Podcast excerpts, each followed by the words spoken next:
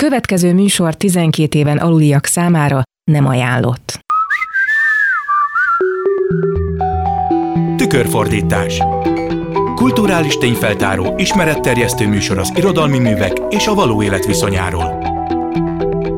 Tükörfordítás jó napot kívánok! A Klubrádió mikrofonjánál Pályi Márk köszönti Önöket. A mai adásban három szöveget fognak hallani, amelyek nagyjából mind ugyanarról a témáról szólnak. Olyan elkötelezett, lelkes szerelmi kapcsolódásokról, amelyek csak részben teljesedhetnek be. Mircea Carterescu, Nádas Péter és Bendelvera írásait fogja felolvasni Valc Péter, Slanger András és Pertics Villő. És kivételesen az adásban ők maguk fognak majd a szövegekhez hozzászólni a felolvasásaik után után. Most először következzen a rangos román író Mircea Körterészku Papírördög című tárcanovellája Costa Gabriella fordításában és Valsz Péter előadásában. Viktornak és Ingridnek volt egy közös titkuk. Legalábbis Viktor így érezte. Egy esemény, amely Viktort oly különösen és erős szálakkal kötötte Ingridhez, mintha álmában vagy egy másik életében történt volna. Sokszor abban reménykedett, hogy a lány, akit annyira szeret, az egészet már rég elfelejtette máskor meg éppen azt szerette volna, ha a lányt ugyanúgy felzaklatja ez az emlék, akár csak őt, hogy legyen köztük egy gyötrelmes és bevalhatatlan kötelék.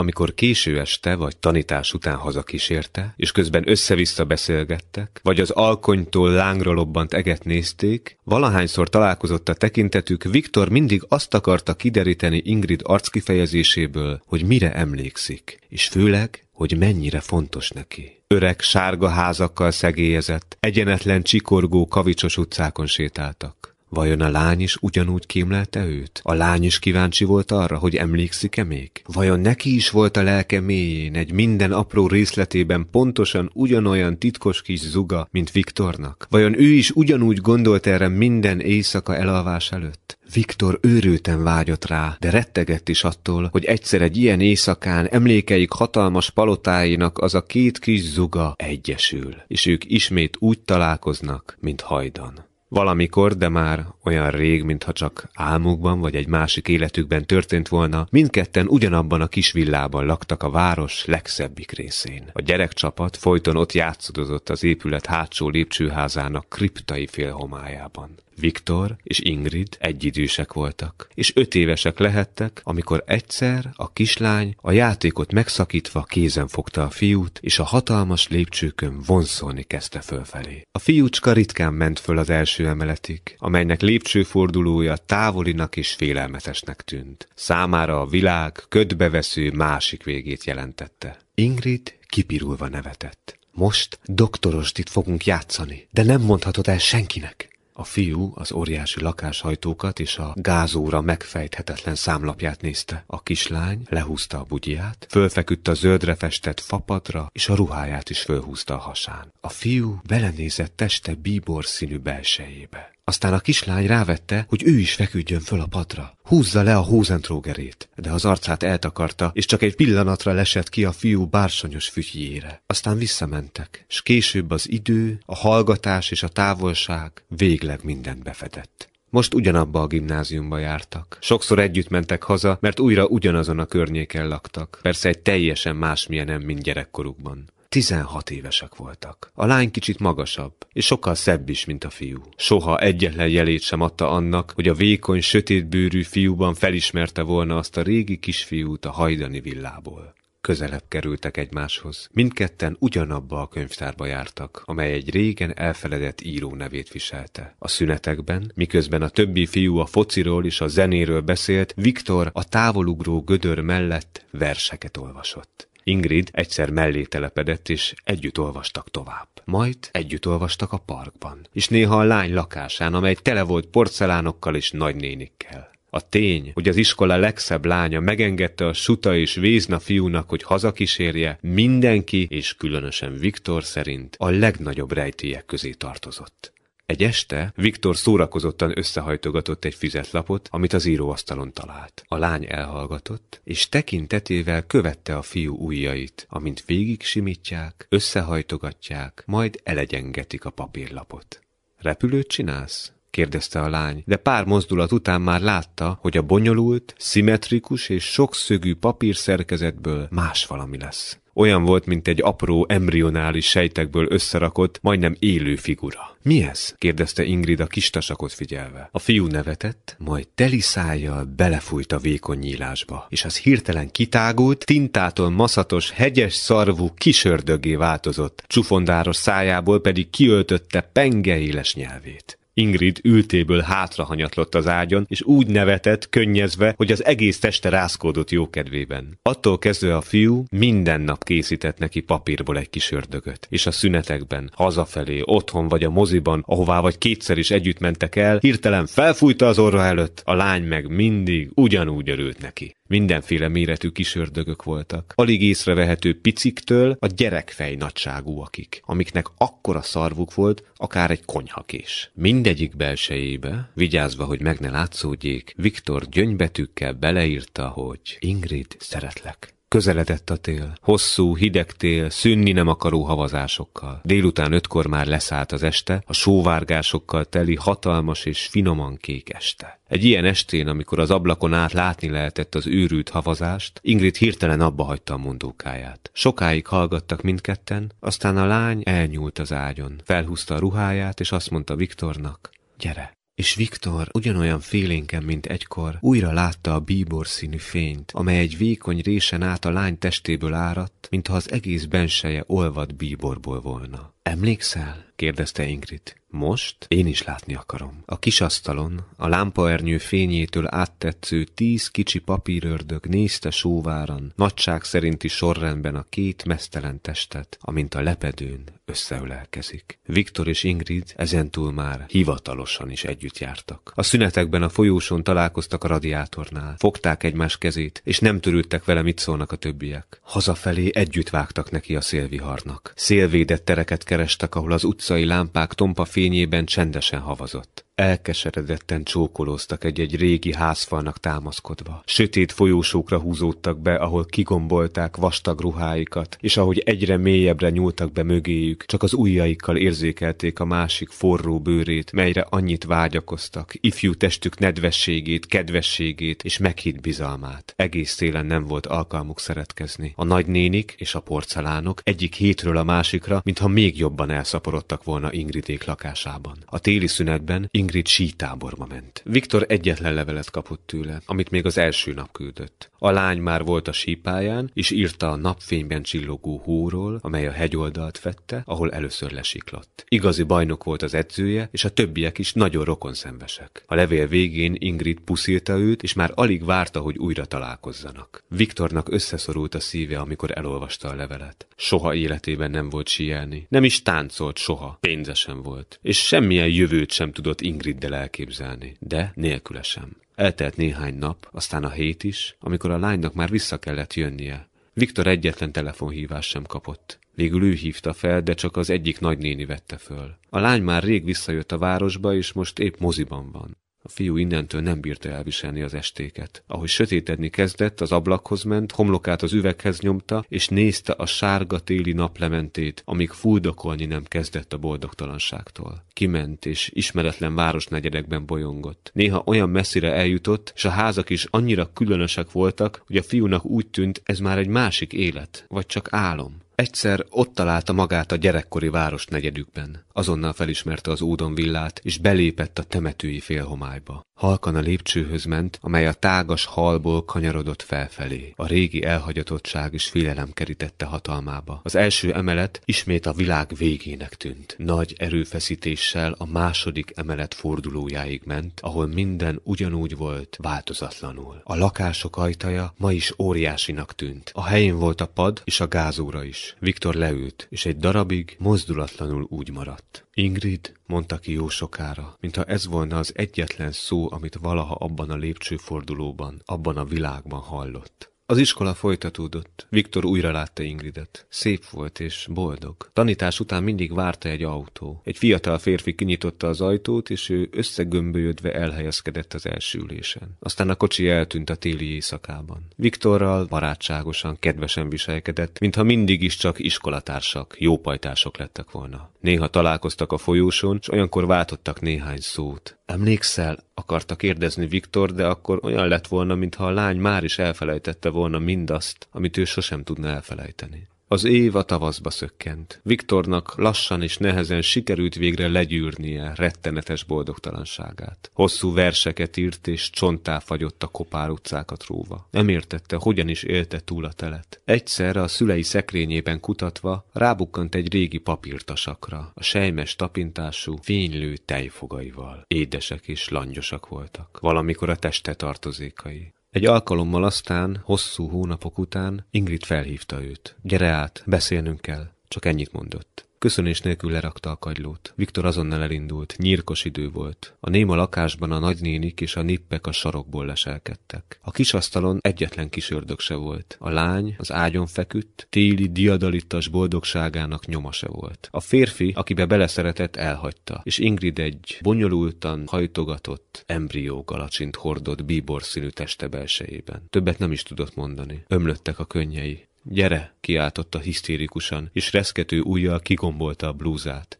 Ki ez már, és miért érdekelne engem? gondolta a fiú. Az ajtó felé indult, és nem látta, ahogy Ingrid mesztelen keblekkel az ágyra zuhan, nyálasra harabdálja a párnát, és körmével a lepedőt karmolva vergődik. Amikor hazaért, sokáig áldogált az ablaknál. Nézte a szemközti ház málladozó öreg tűzfalát, amelyet már alig tartott az elrosdált alapzat. A belső udvaron sárga fény derengett. Ingrid nyögte az ablaküveghez nyomott homlokával. Egy idő múlva leült a könyvekkel teli íróasztalához. Előhúzott egy nagy rajzlapot, és ráírta. Ingrid, szeretlek. Egy hajtás, egy redő, alap egyre kisebb lett, egyre bonyolultabbak a vékony élei, de még mindig formátlanul felismerhetetlen. Majd teljes tüdőből belefújt a kis nyílásba, míg a papírördög feje, éles szarvacskái, csúfolódó kiöltött nyelve hirtelen meg nem duzzadt, és Viktor ott tartotta kezében a legnagyobb papírördögöt, amit valaha készített. Előszette a szekrényből a kis tejfogastasakot, és két sorban szépen a papírördög állkapcsára ragasztotta azokat. Ott állt mozdulatlanul, farkas szemet néztek egymással. Viktor és a kis ördög addig, míg a lenyugvó nap tüzes nyelvét rá nem öltötte a szobára. Valc Péter olvasta föl Mircea Körterescu tárcáját, és akkor most azt is szeretném kérni Valc Pétertől, hogy ahogy a felolvasás előtt említettem, kommentálja az elhangzott novellát. Körterescu-nak egyébként egyébként a Sóvárgás című regényében ugyanez a téma részletesebben kibontva is szerepel, de ami szerintem érdekes ebben is, meg a mai adásban elhangzó több írásban, hogy ez a toposz, a félig beteljesülő, félig beteljesületlen romantika emlékeztet a modern dráma etalonjának, a Csehov sirájának a szerelmi helyzeteire is. Egyrészt visszahozta azt az állapotot, vagy azt az életszakaszt, ez elég hosszú volt, mondjuk 20 év, amíg nem találtam rá az igazira. Tehát ebbe a érzelmek viharába, a bizonytalanság terepén, amikor kétfajta erő motoszkált legalábbis bennem. Egyrészt visszatérni valami tiszta eredendőhöz, tehát hogy amikor azt élte meg az ember, hogy az első, és akkor az biztos az a legjobb, illetve a másik erő meg, hogy még nem találtam meg, és előre menni, és keresni az újat, az újat, az újat, amíg rá nem találsz. Főleg a 14 éves kori önmagam, ami legerősebben kapcsolódok ehhez személyesen. Egy két éves hosszú plátói szerelem, ahol voltak jelek arra, arra, hogy nem viszonzatlan az én érzelmem, de alapvetően kiteljesedni az én képzeletemben teljesedett ki. Most hallgassunk meg akkor egy másik szöveget is, ami tulajdonképpen hasonlóról szól, egy kicsit más szemszögből. Nádas Péter évkönyv című kötetéből olvas fel egy részletet, Slanger András. Most el kell mondanom egy jelentéktelen történetet. Valamikor az 50-es évek végén kirándulni mentünk a Pilisi hegyekbe. Lányok, fiúk, néhány hozzám hasonló korú nagy kamasz. Poroszkáltunk, néhányan daloltak is, kapaszkodtunk a köves napverte úton fölfelé, fogtam egy lány kezét. Kicsi, arányosan törékeny, feltűnően szép volt ez a lány, kissé hisztérikus természetű.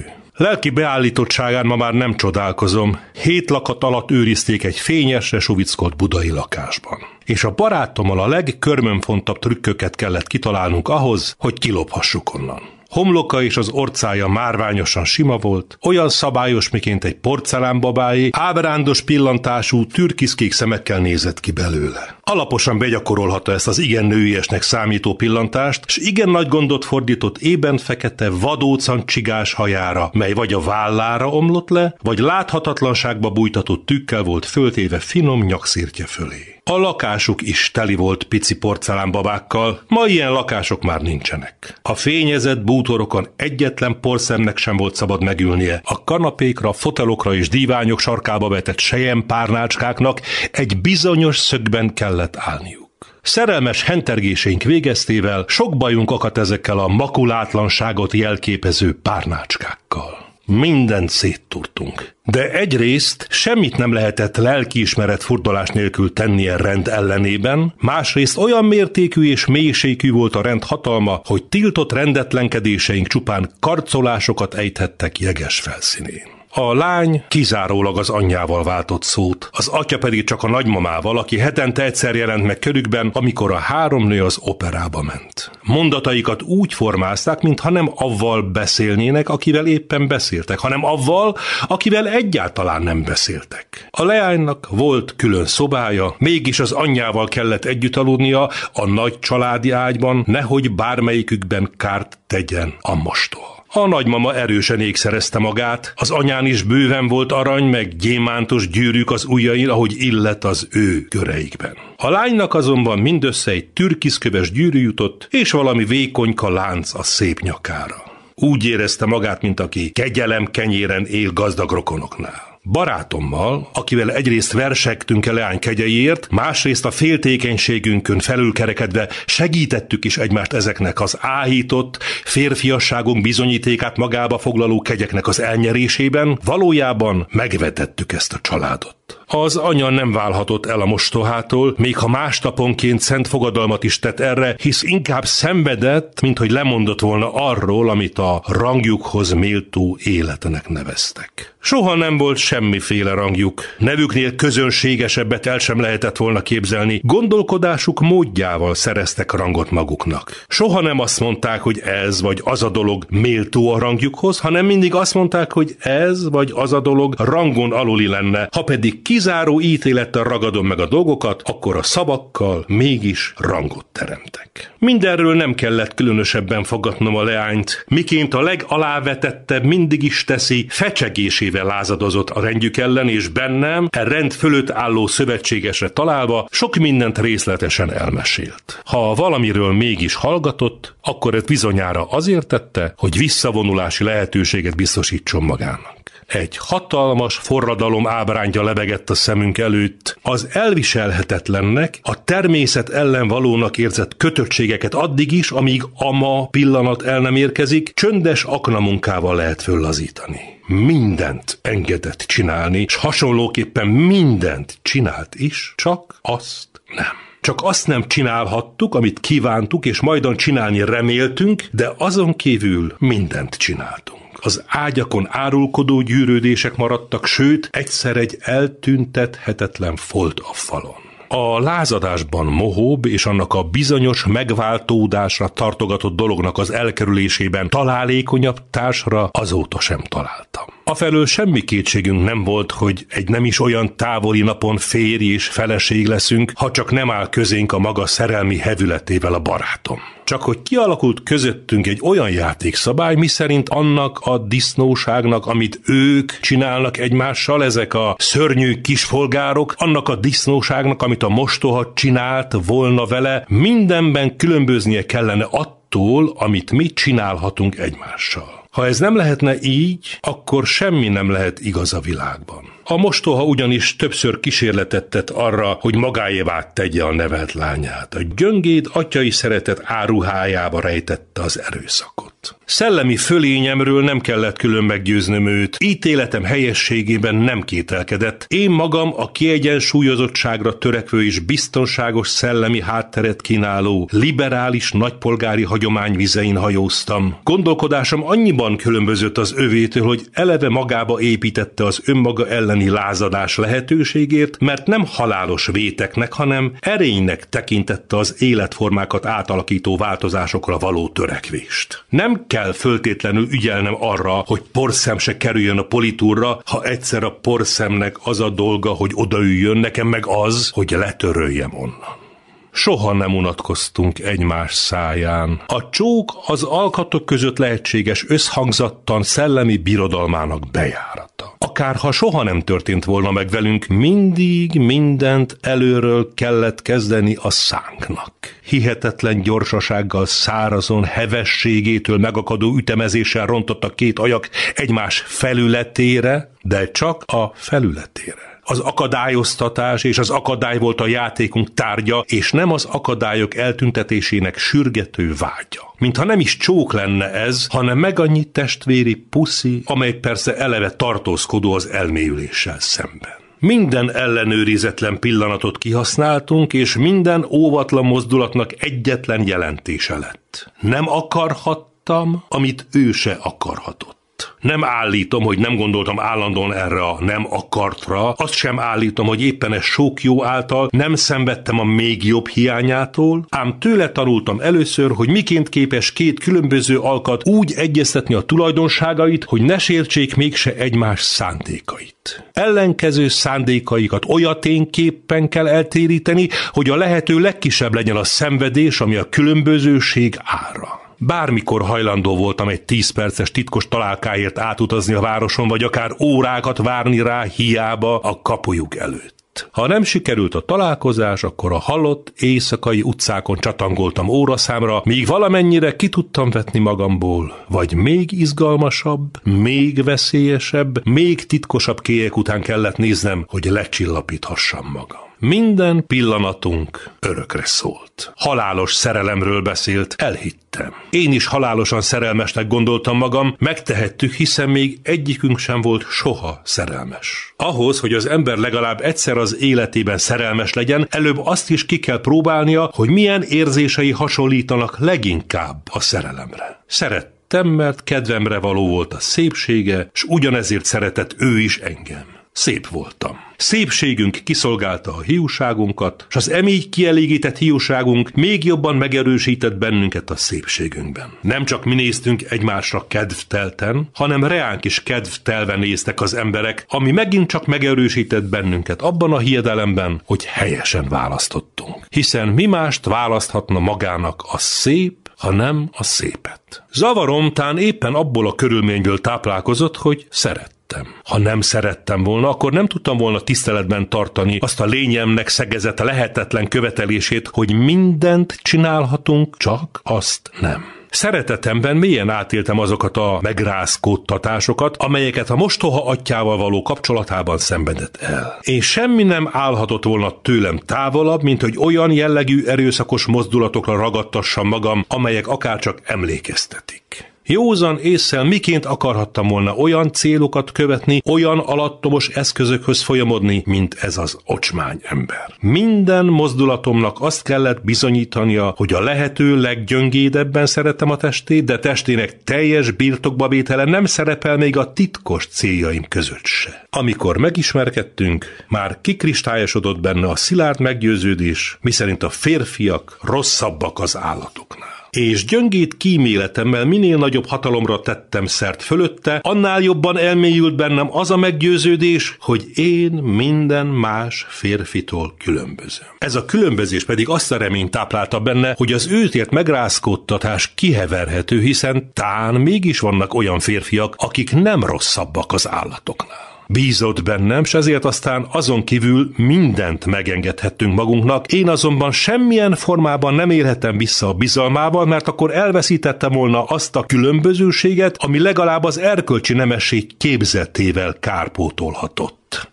Azért szeretett hát, mert képes voltam olyan lenni, amilyen nem voltam. Én viszont azért szerettem, mert embertelen követelményei nélkül nem különbözhettem volna senkitől, holott immár valóban különböztem. Hazugságaink kiegyenlítették egymást. Kapcsolatunkban ezért nem is volt semmi álságos. Valóban így volt szükségünk egymásra. Szenvedélyünket ugyanis nem arra alapoztuk, hogy megtettünk valamit, amit szerettünk volna megtenni, hanem arra, hogy még arról sem vehetünk tudomást, amit nem tettünk meg. A lehető legvégletesebb testi kicsapongásokba bocsátkoztunk, hiszen igen nagy érzéki találékonyságot kívánt az a művelet, amivel pillanatról pillanatra elkerülhettük lelki összetartozásunk végső megpecsételését. Dúskáltunk egymásban, olykor ki is elégítettük egymást, mégis állandóan egyedül maradtunk. Mintha a legtapasztaltabb szeretők lennénk, átléptünk a szemérem legutolsó határain, s mindeközben érintetlenek maradtunk egymástól. Úgy kellett férfinak lennem, hogy közben semmi nem maradjon bennem, ami férfi lehetne. A hazug áldozat, téves következményrendszer azonnal bosszút állt rajtunk. Állandóan veszekedtünk.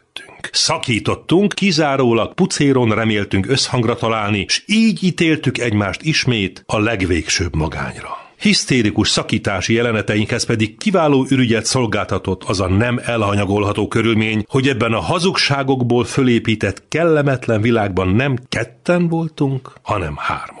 Abban az időben alapozódott meg bennem az a gondolat, mely később meglehetősen mély szenvedések árán meggyőződésé erősödött, nincsen olyan elvakult szerelmi szenvedély, nincsen olyan szoros páros kapcsolat, amely a harmadik jelenlétét kiküszöbölhetné. Ott kezdődik a szenvedély, ahol a két ember egy. Ezt a minden tapasztalatukkal ellenkező élményt azonban egyikük sem tudja tartósan elviselni. Ha nem tudják elérni, hogy az egyből ismét kettő legyen, akkor el kell pusztulniuk abban a tapasztalataikkal ellenkező világban.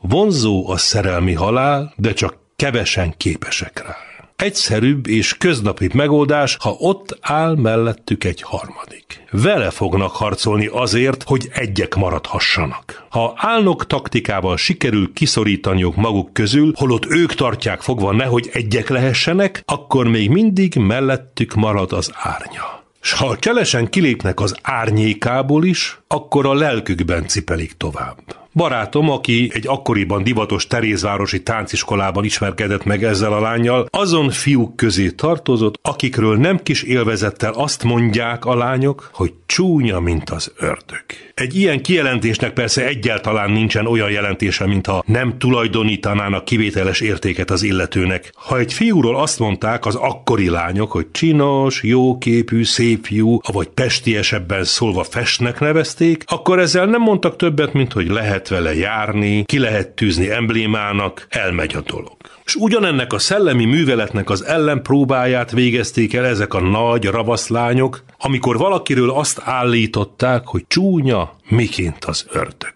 Az ördög bűnre csábít. A bűn az egyezményesen megfejtett, tovább már nem részletezhető élettitok. A szépségnek akaratom ellenére mondok igent, a csúnyaságnak akaratosan kell nemet mondanom. Annak a lánynak, aki társat keres magának, az a próbatétele, hogy a két szélsőség között csapongjon s ha a fiúk angyali szépsége mindig a titokkal párosul, még ha egy titok nem is más, mint a mértékkel leplezett bárgyúság, akkor az ördögi csúnyaságnak mindig jó szöveggel kell párosulnia. A szépség mozdulatlan és hallgat, a csúnyaság mozog és beszél. Arra a pilisi kirándulásra a barátom egy másik lányt hozott magával. Közös szerelmünk is az egész kirándulás alatt kizárólag az én kezemet foghatta, teste félig telten a kezemben maradhatott hát, de lelkének féltékenységtől és a veszteség félelmétől gyötört másik felét mindvégig a barátom vezet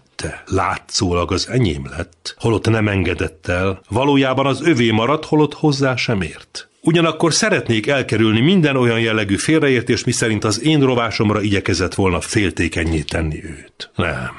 Barátom jellemétől mindennemű alattomosság távol Kitérői, félrelépési kísérletei és futókalandozásai abból a körülményből következtek, hogy ellentétben velem, tőle a testi érintkezés minden formáját megtagadta a leány.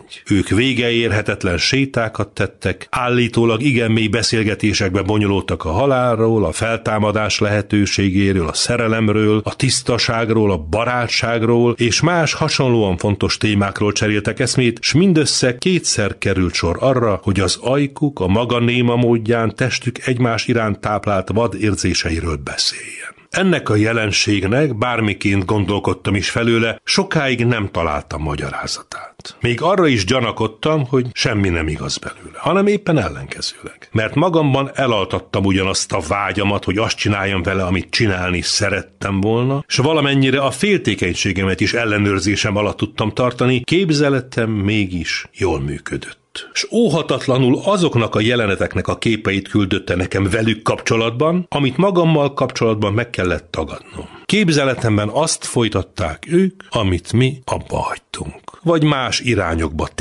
térítettünk el. Slanger András felolvasásában hallották Nádas Péter évkönyv című kötetének részletét, és most őt kérem, hogy kommentálja az elhangzott művet. A mai adásban Nádas szövege az egyetlen, ami elvileg nem fikció, hanem visszaemlékezés, de egyébként Kosztolányi Dezső első szerelmével való viszonya is egy kísértetiesen hasonló történetet produkált, aminek a dokumentumait Fecskelány címmel kötetben is kiadták. Két különféle szempont jut eszembe, hogy ezt megkérdezed. Egyik a színészileg, vagyis a előadó szempontjából, hogy olvasva viszonylag egyszerűbb a szöveg, azonban olyan bonyolultan ádas mondatszerkezet és olyan sok különös, furcsa szót használ, hogy felolvasni meg baromi nehéz. Küzdöttem vele, hogy egységes legyen és mégis érthetőek legyenek ezek a nagyon bonyolult logikai vagy nyelvtani szerkezetek. Ez az egyik tapasztalatom. A másik meg az, hogy nagyon érdekes, hogy valaki egy ilyen dologról, mint szerelem, vagy erotika, vagy szexualitás, ami hát egy alapvetően érzelmi, zsigeri dolog, analitikusan ilyen filozófiai módon, ilyen elemzően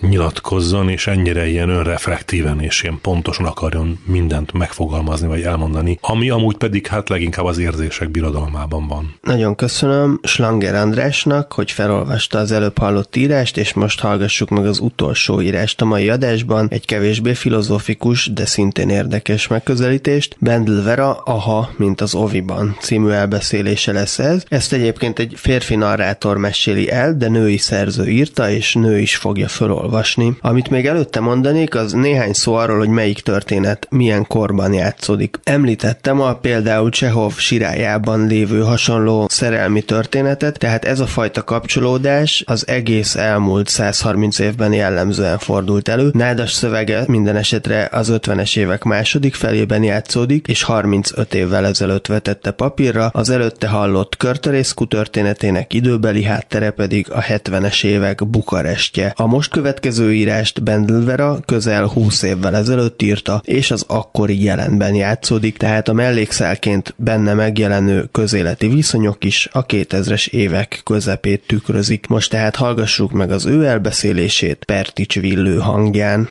Előző este hódítottam vissza Juditot. Egy hónapos küzdelem, értelmetlennek tűnő telefonok, SMS hadjárat, virágok és hosszan kihagyott erotikus levelek után végre újra enyém lett ez a csodálatos zsidónő a fennékig érő fekete göndör hajával és az elképesztő szexuális étvágyával. Nem voltam álmos, de gondolkodni sem bírtam. Közben láttam, hogy a cikkem leadási határideje vészesen közeledik, de egyáltalán nem érdekelt. Ki is rúghattak volna. Rendben volt az életem munkanélkül is. Panka ekkor lépett be. Olyan volt, mint egy nyári fuvallat. Megérkezett, és valami megváltozott. Éppen csak egy kicsit vidámabb lett az a szürke szoba és a benne ülő húsz ember, akik unalmas témákról akartak unalmas cikkeket összeütni. Anélkül lett mindenkinek jobb kedve, hogy észrevették volna őt. Olyan volt, mint egy apró mezei virágcsokor. Semmi túlzás, semmi direkt feltűnés. Szemmel tartottam a sarokból, ahol az asztalom állt, és egy pillanatra kiúztak a képből Judit duzzadó melbimbói.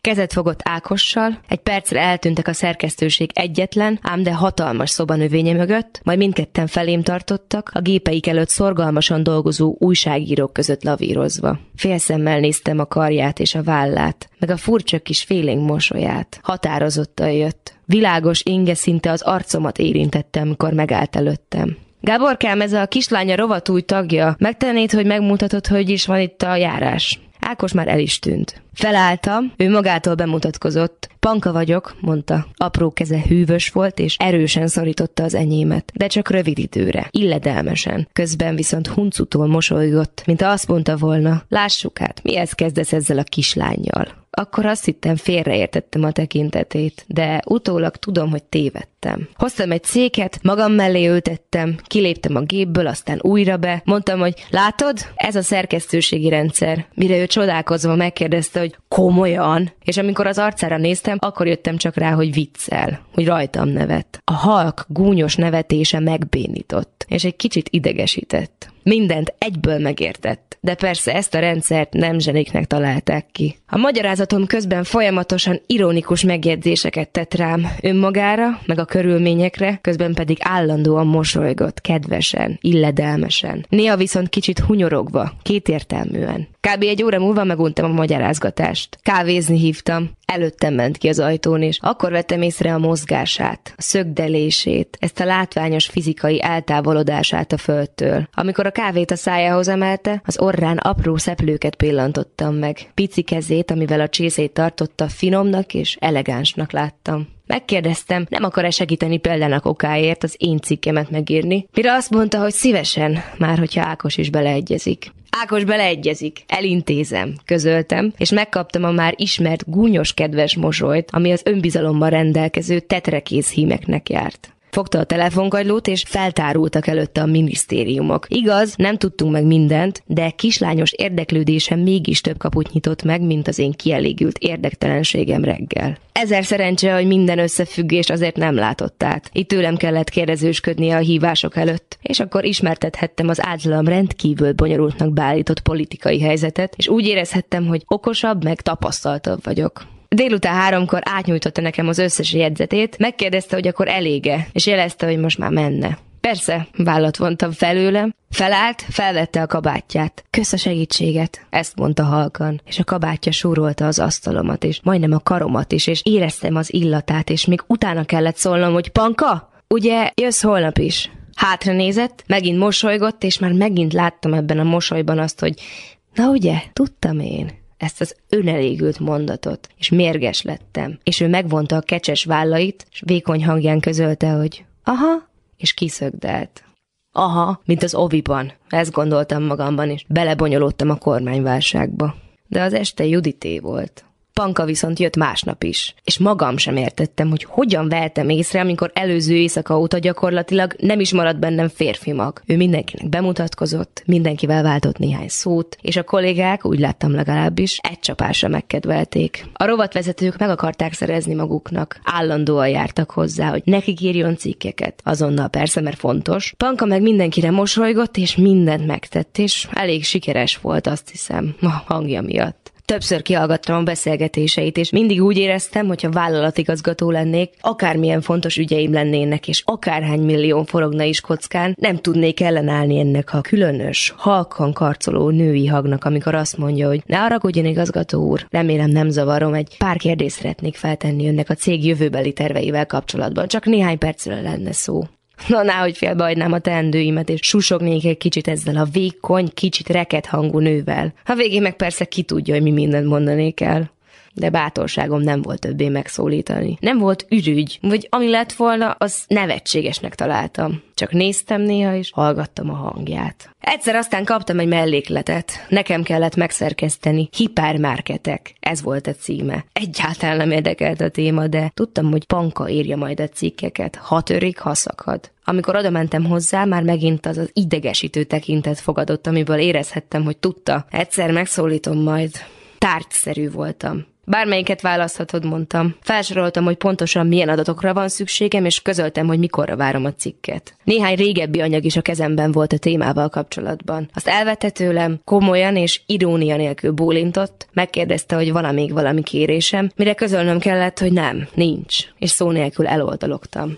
Este a gépemen volt a cikk. A kislány a szerkesztőségi rendszerben elküldte, és használhatónak is tűnt. Néhány stilisztikai hibát találtam csak benne, meg egy-két adatot, amit nem értettem, de mivel nem sürgetett a leadás, nem engedtem meg magamnak, hogy kikeressem a telefonszámát és felhívjam, csak egy üzenetet írtam a rendszerben a kérdéseimmel, és mögé bigyeztettem, hogy és egyébként hogy vagy? Másnap vártak a korrekt válaszok és egy kérdés. Hol ebédelsz? Összeszorult a gyomrom. Panka velem akart ebédelni, és rettegtem, mert úgy éreztem, hogy most kell megmutatnom, hogy milyen magabiztos, férfias és szakmailag megkérdőjelezhetetlen vagyok, és beszélgetés közben bizonyítanom az évek során összegyűjtött bölcsességemet, a szaktudásról nem is beszélve. És tudtam, hogy ilyenem ezelőtt a lány előtt, hiába a plusz 15 évem, egyszerűen nincs. Dadogni fogok, butaságokat beszélek, ő pedig azzal a borzasztóan világos fejével mindezt átlátja, és halk hangján figyelmeztet rá. Persze, a kihívás ettől még állnom kellett. Férfi vagyok, vagy mi. Emlékeztettem magamat remegve, és végül úgy éreztem, hogy a rántott gomba és a vegyes köret mellett sikerült is megőriznem valamit a tartásomból, legalábbis önmagam előtt. Pankáról a következőket tudtam meg az ebéd során. Kommunikáció szakra jár, csak pénzt is akar keresni, ezért jött újságírónak. Később is szeretné a pályán maradni, csak éppen nem ennél a lapnál. Számtalan barátja van, egy kutyája, akit nagyon szeret, meg egy fiúja, akivel már évek óta együtt él. Én próbáltam ködösíteni magammal kapcsolatban a diplomáim számát illetően például, meg a családi állapotomat sem részleteztem.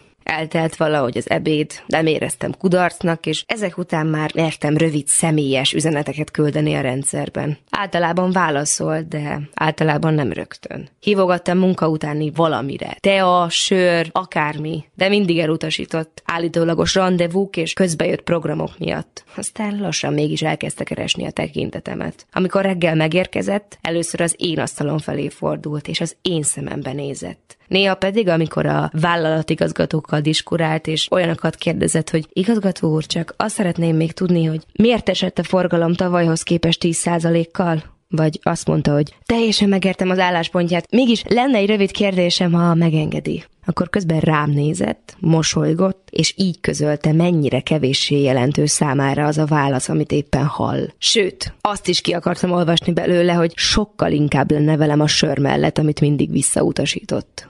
Kávészünetet persze tartottunk, arra hajlandó volt. Általában a napi sajtóról beszélgettünk, esetleg politikáról, és minden kérdés után, amely éppen a dolgok lényegét érintette, elöntött a sárga irítség, mert hogy lehet, hogy valaki húsz évesen ilyeneket kérdez? Ne kérdezzem már, mert a naivitása mellett néha túlzottan is lényegre törő, és én megőrülök a lényeglátásától. Mert nekem ilyen nem volt húsz éves koromba, és ez így nem igazság. Ő meg csak pillantgatott, csak mosolygott, és fogalmam sem volt, hogy mit gondol rólam. Közben pedig meg megfoghatatlan módon vonzott valamiért, amit nem tudtam olyan egyértelműen megfogalmazni, mint Judit esetében. Valami kellett pankából, de nem tudtam, hogy mi. Igen, le akartam vele feküdni. De tudtam, hogy ez egyáltalán nem elég. Integrálni akartam inkább az enyémé tenni. Teljesen. Annyira, hogy ne is legyen saját véleménye, csak az enyém legyen neki. Hogy végre hatalmasabb legyek nála, és végre elszakadhassak tőle, mert nekem nem kell az a lány, aki ugyanazt gondolja, mint én, aki nem létezik nélkülem, aki én magam vagyok.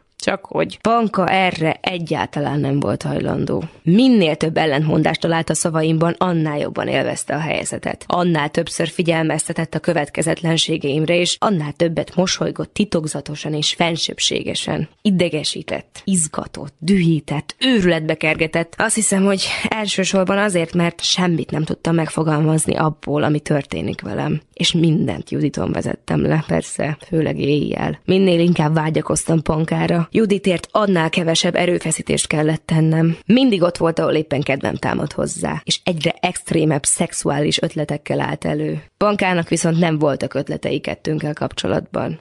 Egyszer aztán mégis történt valami. Munka után este, még bennmaradtunk páran, fáradtak voltunk, valakinek a névnapját, másoknak meg a születésnapját ünnepeltük összevonva, elővettük a borokat, amelyeket azok a cégek küldenek, akik jóban akarnak lenni velünk, és elég gyorsan megittunk jó néhány üveggel. Panka becsípett, hatalmasokat kacagott, kacskaringósan járt kert, és kacér lett a mosolya. Óriási alkalom volt, és ki is használtam. Buli után kézen fogtam, és egy közeli borozóba vonzoltam. Ő még észnél volt, hiába nem koordinálta a mozgását. Azt mondta, csak akkor marad velem, ha én mindig a kétszeresét iszom annak, amit ő. Betartottam, és két pálinka, két bor, meg megint két pálinka után azt hiszem, egyformán részlegek voltunk. Nevettünk, már nem tudom, hogy min, és akkor megint eszembe jutott, hogy nekem ez a lány úgy kell, hogy teljesen. Valahogy nekem kell győznöm. Mit tegyek? És akkor megfogtam az állát, magam felé fordítottam a fejét, és azt az iszonyatos baronságot mondtam a szemébe nézve, hogy Panka, legyél a feleségem.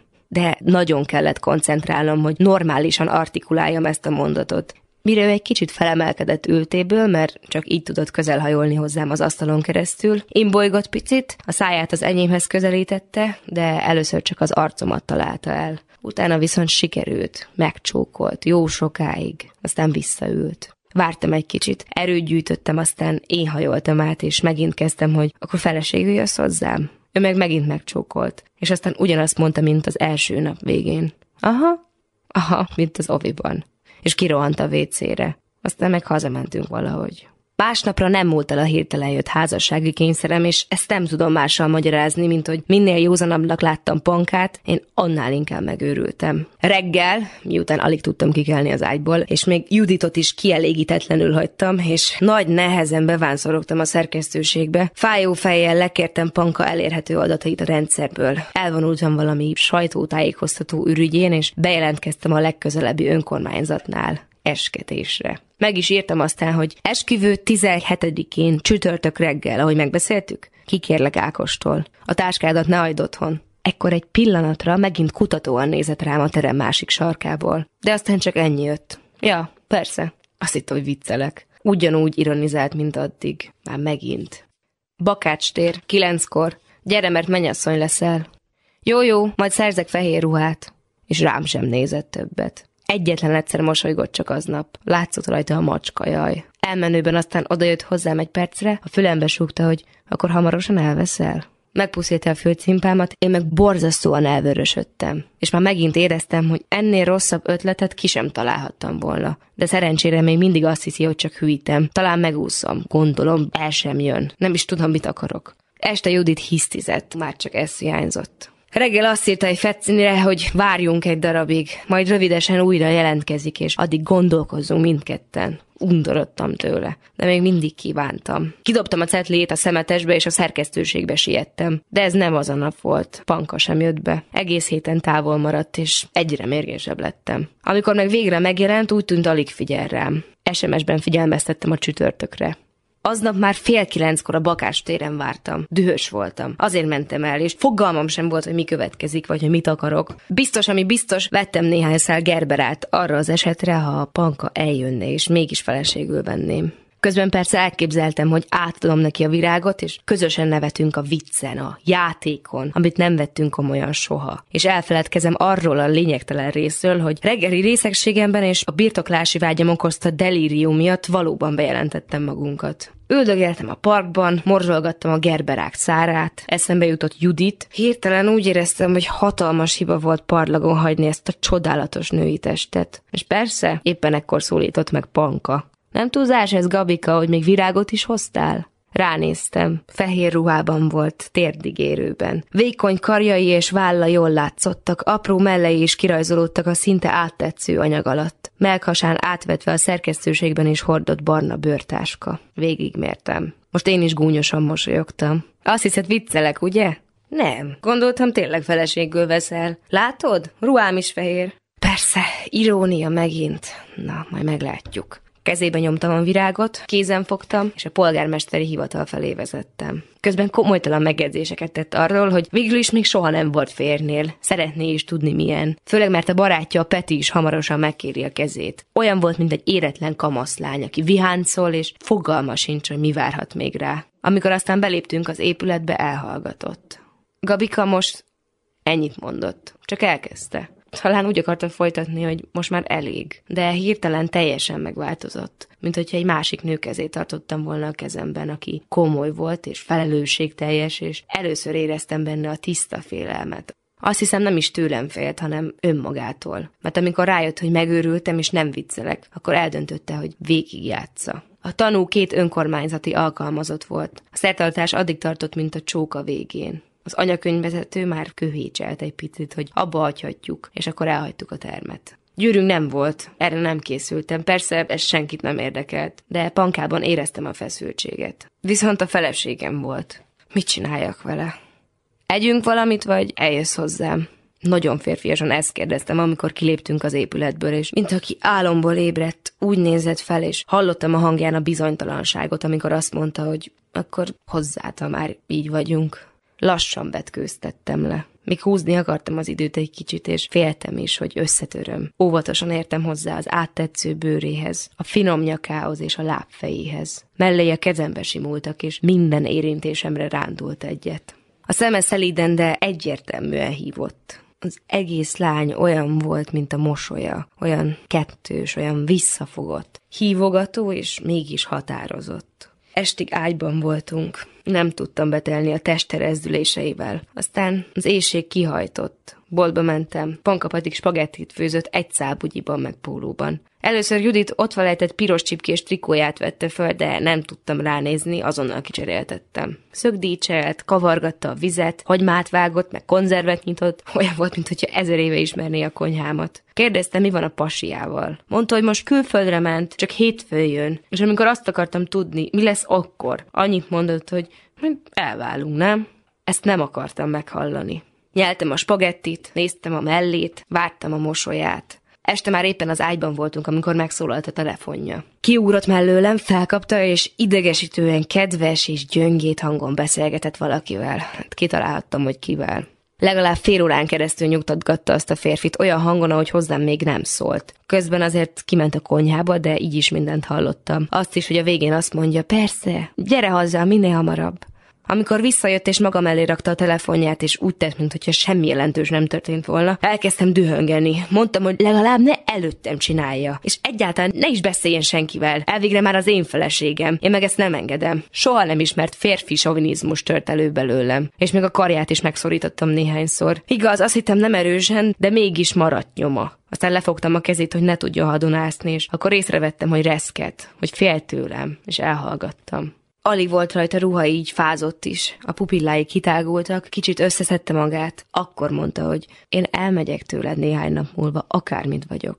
Remegett és libabőrözött. Én meg átöleltem és megmelegítettem a testét. Panka vasárnapig belakta a konyhámat, belakta a lakásomat, ahogy Judit soha. Amikor elnyúlt a tévé előtt a pamlagon, lefeküdt az ágyamba, vagy felhúzta és karjával összekulcsolta a lábát a fotelomban. Olyan volt, mintha kezdettől fogva az ő bútorai lennének. Csak éppen mindig az jutott eszembe erről a látványról, hogy valószínűleg nem sokáig tart. Ő minden nap beszélt azzal a fiúval, aki értelmileg egy két hónapos tacskó kutya szintjén lehetett. Annyira kellett gügyögni hozzá. Én meg megpróbáltam nem figyelni. Néha pedig kérleltem, hogy ne menjen. Legalább gondolja meg. De Panka ebből a szempontból összvér volt. Meg sem fontolta, amit mondtam. És tényleg. Hiába a reggeli teljes kávék, a szeretkezés a parkban, meg minden, a kristálytiszta érvek és a belakott lakás. Hétfő reggel Panka már nem volt nálam, csak a munkahelyen találkoztunk. Éppen pakolta a holmiát. Kilépett. A füzeteit, a tollait bedobta a váltáskájába, felvette a nyári kabátját, én meg csak néztem. Nem tudtam még semmit sem mondani. Aztán odajött hozzám, elbúcsúzott. Mondta, hogy a Peti visszajött. Ő meg már nem akar itt maradni ezen a munkahelyen, ilyen körülmények között, hogy én is itt vagyok, mert ez rossz neki. Nekem is az volt. Győzködtem, de hiába. Ennyi. Azt mondta, jobb is így, mert nagyon jó volt velem. Nem értettem. Ha nagyon jó volt, akkor minek kell befejezni? De nem hallotta meg az érveimet. Fáradt volt az arca, és meggyötört. Azt mondta, hogy Gábor, te soha nem akartál tudni a Petiről. Én őt nem hagyom el három nap miatt, nem érted? De Panka, ez három év volt legalább, nem három nap. Nem érted? Csak vicceltünk, nem? A szeme szomorú volt, és rájöttem, hogy még nem láttam sírni. Valamit még tennem kellett volna. Lefogni, kiabálni, könyörögni, nem tudom. De mintha lebénultam volna. Meg sem tudtam mozdulni. A feleségem meg a vállára vette a táskáját, adott egy puszit a homlokomra, és elment. Hiába hívogattam utána, nem akar találkozni velem. Beadta a várókeresetet. Elváltunk.